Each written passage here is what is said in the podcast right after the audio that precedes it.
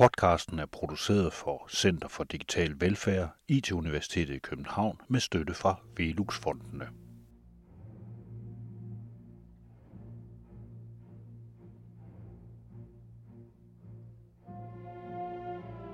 Velfærdssamfundet opstod i 1950'erne, og ingen vidste, hvad det var.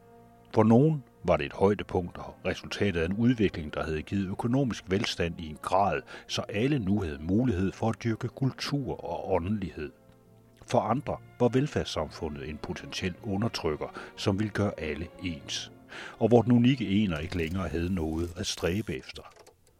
Debatten om velfærdssamfundet handler stadig om individet og fællesskabet, men også i høj grad om statens metoder til at skabe velfærd, og derfor er det i dag også en debat om teknologi. Så hvad er velfærd i dag? Hvad er digital velfærd? Jeg hedder Anders Kjærulf, og i den her podcast der spørger jeg kunstnere, intellektuelle og meningsdannere om, hvad digital velfærd er for dem.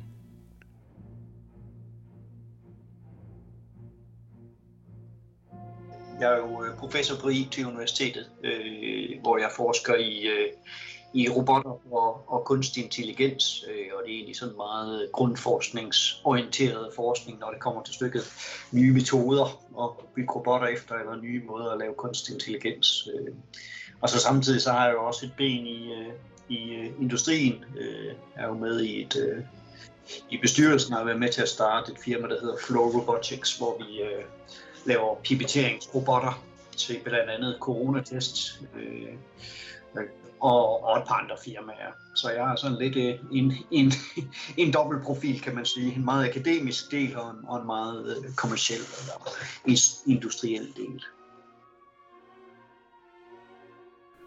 Professor Kasper Støj fra IT-universitetet har 60 udgivelser om robotteknologi og kunstig intelligens bag sig – og han er medstifter af Universal Robots, der blandt andet laver robotarme. Det har jo været en kæmpe udvikling igennem, som gør mange ting utrolig nemmere øh, for flertallet. Der er selvfølgelig en minoritet, der har det lidt sværere, men også der er digitale, øh, kan man sige. Vi har, der er mange ting, der er blevet meget nemmere. Ikke? Øh, men jeg synes også sådan, at, at jamen fra min stol er løbet måske også ved at være en kørt. Altså nu, nu, er, nu er det måske sådan, at, at det er svært at, at putte mere online og automatisere, uden det begynder at gå ud over det her med, at det faktisk skal være, være godt for de fleste.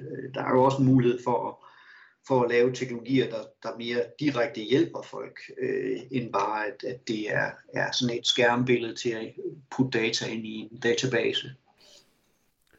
Og der ved jeg, der har du, altså netop inden for robotter, der er der jo rigtig meget teknologi, hvis, som er skabt til at netop konkret at hjælpe folk. Kan du give os måske et lille vy over, hvad der foregår inden for det område i øjeblikket? Jo, jo og det synes jeg faktisk er meget spændende, fordi at, at der tænker jeg faktisk næsten, man er lidt foran, øh, fordi man har kørt øh, robotter, de kommer jo historisk fra, fra bilfabrikkerne, så det var der, man havde de første øh, robotarme og så videre. Og det blev jo født med, med en automatiseringsgevinst øh, i mente, så det handlede om at gøre det mere hurtigt og præcist, øh, øh, og så videre. Øh, og det har det jo faktisk været siden 60'erne, så det er en ret lang, lang historie. Øh, men så er vi jo blandt andet, og det er jo der også Universal Robots kommer ind, så, så det ændrer en lille smule med, at, at det handler ikke så meget om automatisering, det handler om at gøre folk selv i stand til at bruge robotteknologi. Så, så Universal Robots øh, konceptet, altså en robotarm, øh, der, det var det bredbrud der var, var, der var pludselig et system, som, som alle i og for sig kunne bruge. Man skulle kunne lidt computer, men ikke særlig meget. Øh, og det gjorde pludselig, at det vendte på hovedet, fordi pludselig kunne, øh, kunne en smed i Vojens købe sig en robot og sætte den til at stå og trykke en plade ud på en bestemt måde. Øh, så der var det her øh, empowerment, at man gjorde folk selv stand til at bruge teknologien. Øh, og det synes jeg er jo spændende, fordi at, at jeg synes jo meget af den digitale teknologi, velfærdsteknologi, vi ser med hjemmesider osv., det er jo mere sådan en indgang til systemer. Øh, det hjælper jo ikke øh, sådan direkte øh, den enkelte borger, eller måske den ansatte i kommunen øh, specielt meget. Og det kan man sige, det er jo det nye med, med mange af de her robotter, det er, at de rent faktisk øh, prøver at komme om på, på hvad kan man sige, brugerens side og, og støtte op og, og øge deres hvad kan man sige, grad af empowerment eller selvhjælp eller, eller hvad man vil. Ikke? Og, og netop det der med selvhjælp, det, det er en stor del af det. Altså, hvad man kan, altså, hvad man kan, hvad, hvor, hvor kommer man øh, hen, kan man sige? Eller hvad, hvad for nogle ting kan robotter hjælpe os med allerede i dag?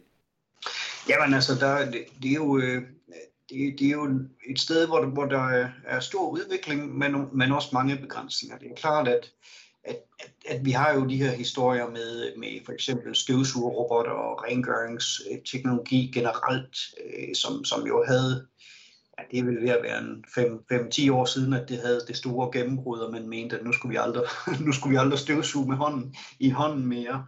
Øh, og man så jo også de her muligheder, at jamen, pludselig så kunne måske gamle på, på, på plejehjem selv bestemme, hvornår der skulle støvsuges. De kunne starte de her robotter selv osv. Øh, men det gik faktisk ret hurtigt i sig selv øh, mange steder, fordi det viser, at de gamle i, i, den, om, i den omgang faktisk var en lille smule bange for de her robotstøvsuger. Så der er historier om, at støvsugerne så endte i kætteren i, i, i, i det lange løb. Og så var der selvfølgelig også den her menneskelige dimension ved, at der var en rengøringshjælp, der kom ind en gang imellem og, og, og snakkede med den ældre person.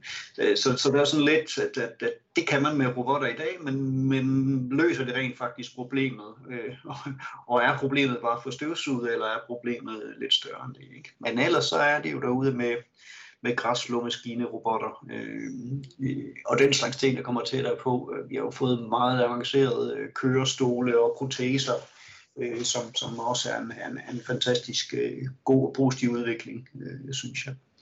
Øh. Jeg vil umiddelbart tro, at det, der er mest kompliceret at lave, det er en hånd. det er også rigtigt det er også rigtigt. Det er jo, øh, det er jo klart, at, at, at det, er, det er jo måske noget af det, der definerer os som mennesker, kan man argumentere for, det er, at vi har den her hånd, der både har tommelfingre og alt muligt. Øh, og det er selvfølgelig klart, at, at, at få den fleksibilitet og, og kunne styre den, øh, hvilket langt hen ad vejen også er et stort problem, er en udfordring. Og det er jo også der, der hele tiden bliver arbejdet. Men der er jo nye måder og, og, få signaler ud af hjernen ved at måle på skin og muskler og så videre til at kunne styre de her hænder. Men det er klart der, hvor, hvor, hvor noget af det mest udfordrende ligger.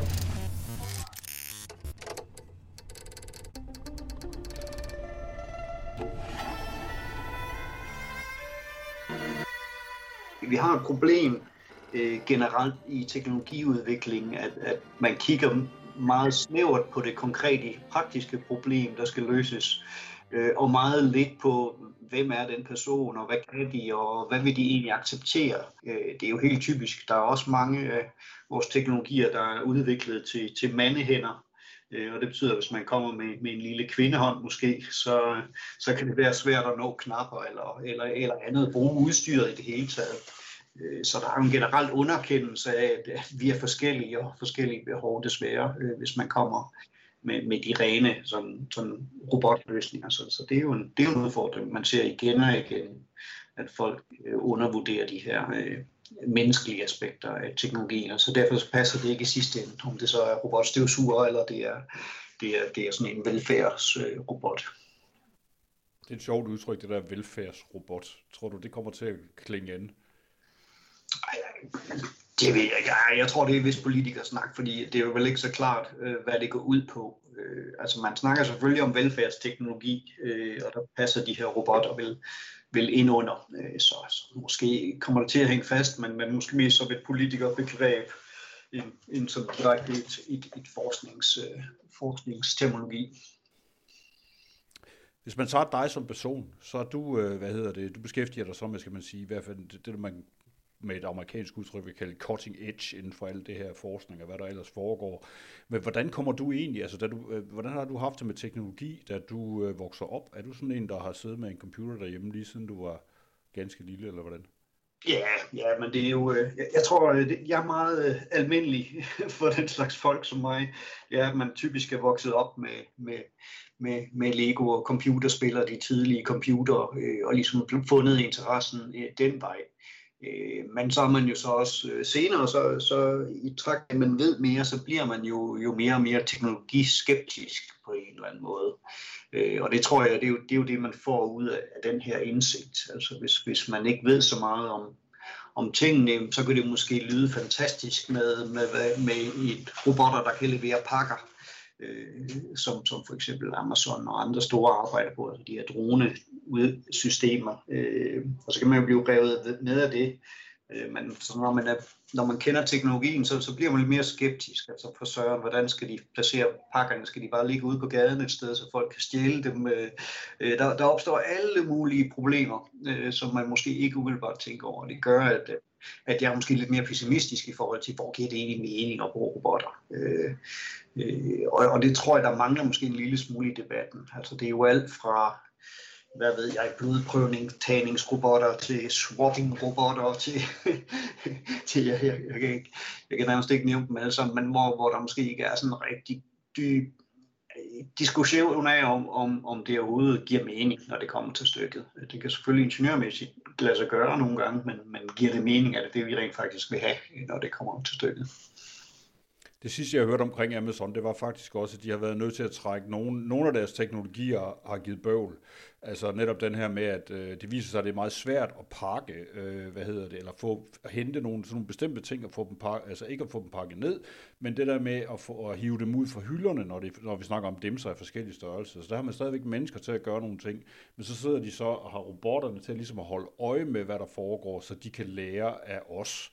Tror du, der vil komme et eller andet tidspunkt, altså det er vel Amazons drøm, at, øh, hvor, hvor, hvor robotterne skal kunne det samme, som, som de mennesker, de har indsat i øjeblikket?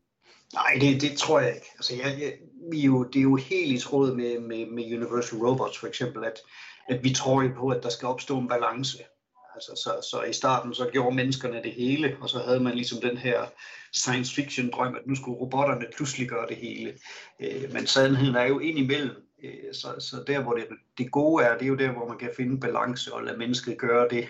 Mennesket er godt til kreativitet og klare uforudsete situationer og fleksibilitet osv., og, og robotterne gør det, de er gode til. Øh, gør det samme igen og igen, øh, uden, uden at kede sig i øvrigt. Så, så, så jeg tror jo, at, at, at, at man kan skyde både for højt og for lavt, men i sidste ende, så tror jeg, at vi ender et sted, hvor, hvor der er sådan et, et samarbejde øh, mellem, mellem robotter og mennesker for at løse en opgave. Altså, øh, jeg synes jo et godt sted øh, og et godt eksempel er jo sådan noget som robotstøvsuger, hvor jeg tror alle startede med idé om, at så skal man, havde man ikke brug for den rigtige støvsuger. Øh, men alle, der har en robotstøvsuger i dag, de har sørme også en almindelig støvsuger.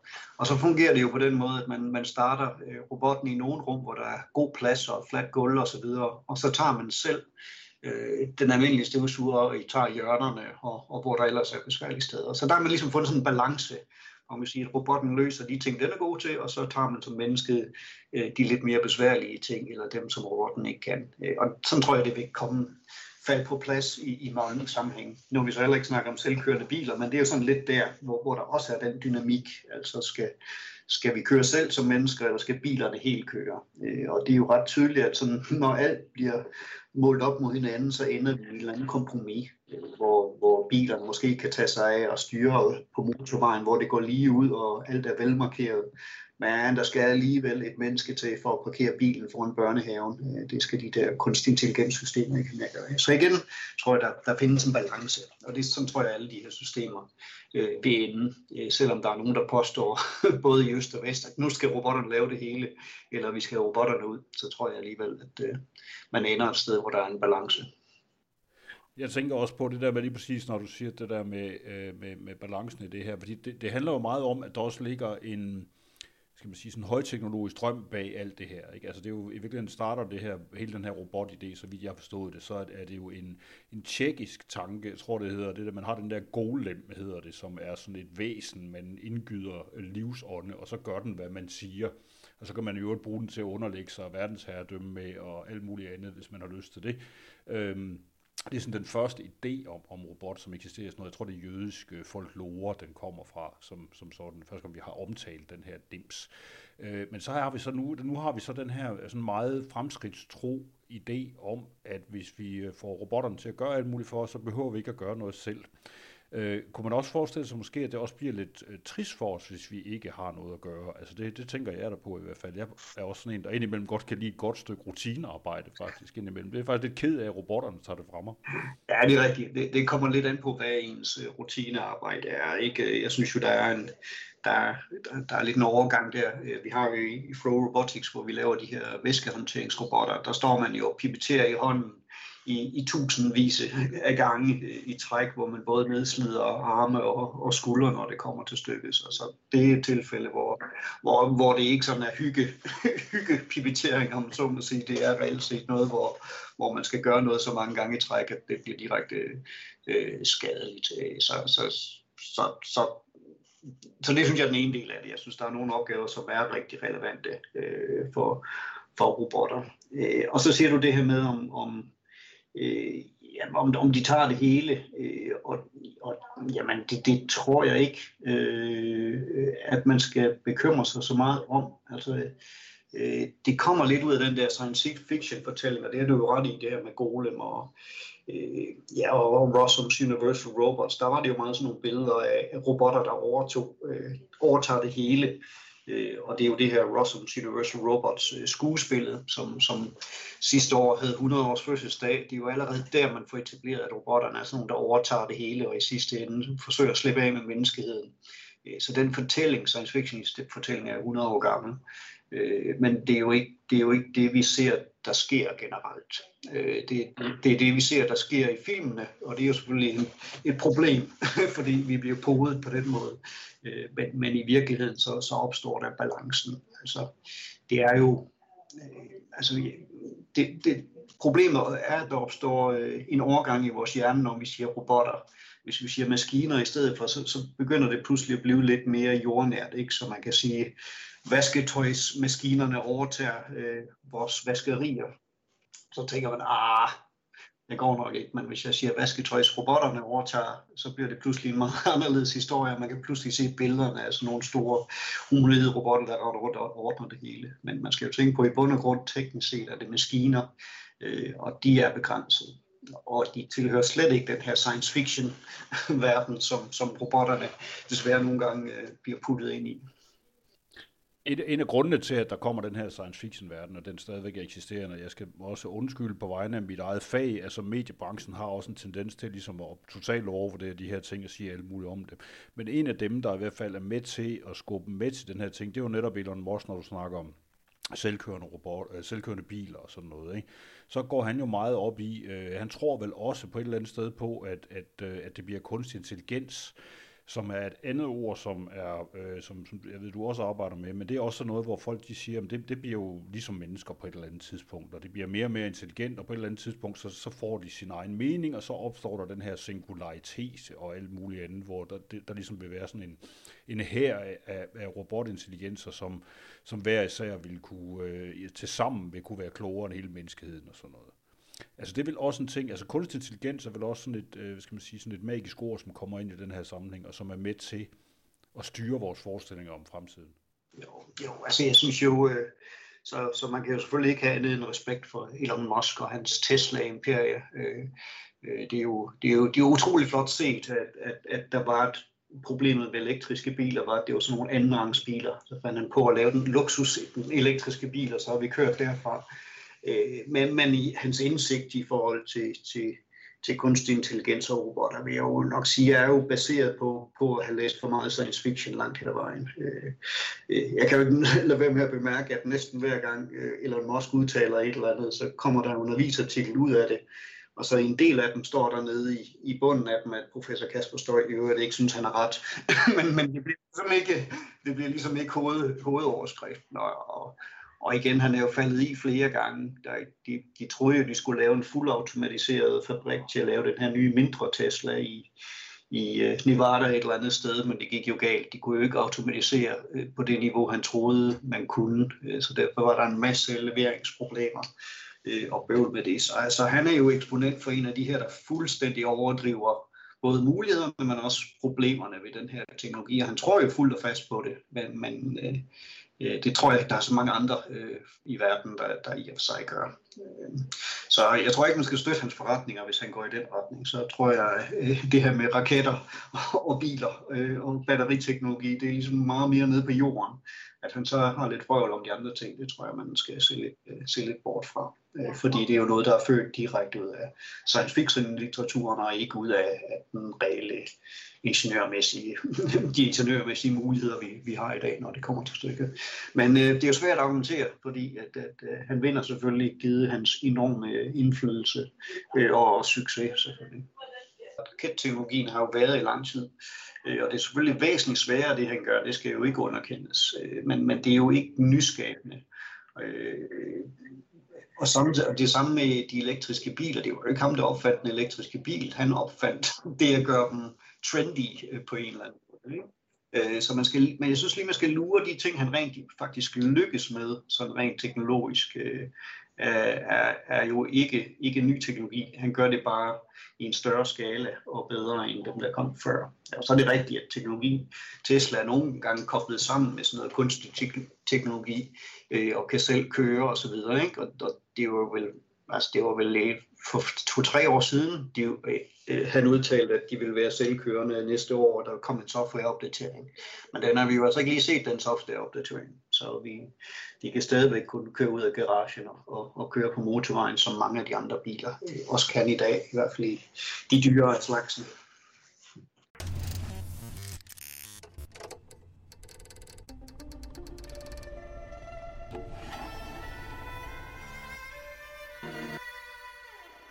Når du engang bliver gammel, hvor mange robotter tror du så, der vil være omkring dig?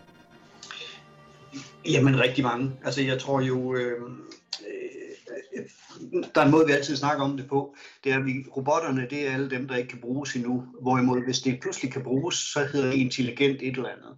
Øh, så jeg tror, vi vil se øh, jamen, intelligente senge. Det vil jo være helt naturligt, at, at der er en seng, som på en eller anden måde kan massere, vende, Øh, hjælpe en ud af sengen. Øh, det kan være, at man kan få et intelligent toilet, øh, som måske på lettere måde kan, kan give en på plads.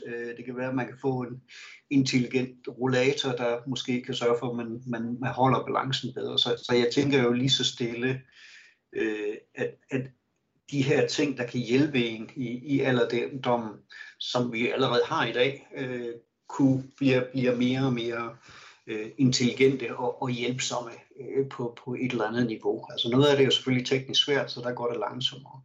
Øh, og så den anden del, der, der selvfølgelig er problematisk, det er jo, det er jo hundedyrt. Altså så hvis man skal have robotsenge til alle, øh, så ved jeg ikke, om, om det er samfunds øh, så økonomisk det er, er det værd, men måske til nogle af de, de sygeste kan man overveje. Så der kommer, kommer selvfølgelig en, en udfordring der. Ikke? Øh, men som rent teknologisk, øh, tænker jeg, det, det er den vej, øh, det går, øh, når det kommer til stykket.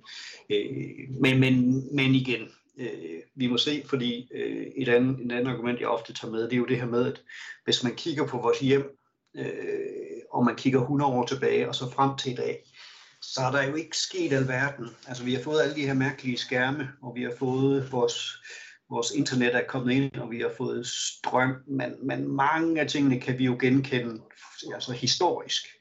Øh, og og hvis man kigger på, hvor træge vi er til at ændre, hvad der er omkring os, så, så må man sige, at den udvikling nok går langsommere, end man lige tror. Men, men uden for det private hjem, på plejehjem og hospitaler osv., så, videre, så tænker jeg, at sådan en udvikling her kan gå, gå, gå rigtig stærkt, øh, når teknologien ellers indordner sig under patienternes krav og, og forskellighed, øh, og ikke bliver brugt som sådan en, en, ja, sådan en, en effektiviserings øh, øh, ting udelukkende.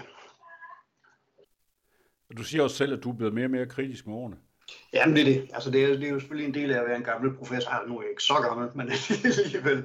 Man opdager det er jo lige pludselig alle de, de gange, hvor kæden er faldet af. Øh, og jeg tror, mange er født ind i den her science fiction teknologioptimisme, i hvert fald folk af min type. Øh, og det falder jo så lige så stille fra hinanden, når man begynder at se, hvordan almindelige mennesker reagerer på noget af den her teknologi. At øh, det, holder, det er ikke så nemt øh, at lave noget, der rent faktisk hjælper øh, og, og, og understøtter mennesker, når det kommer til stykket.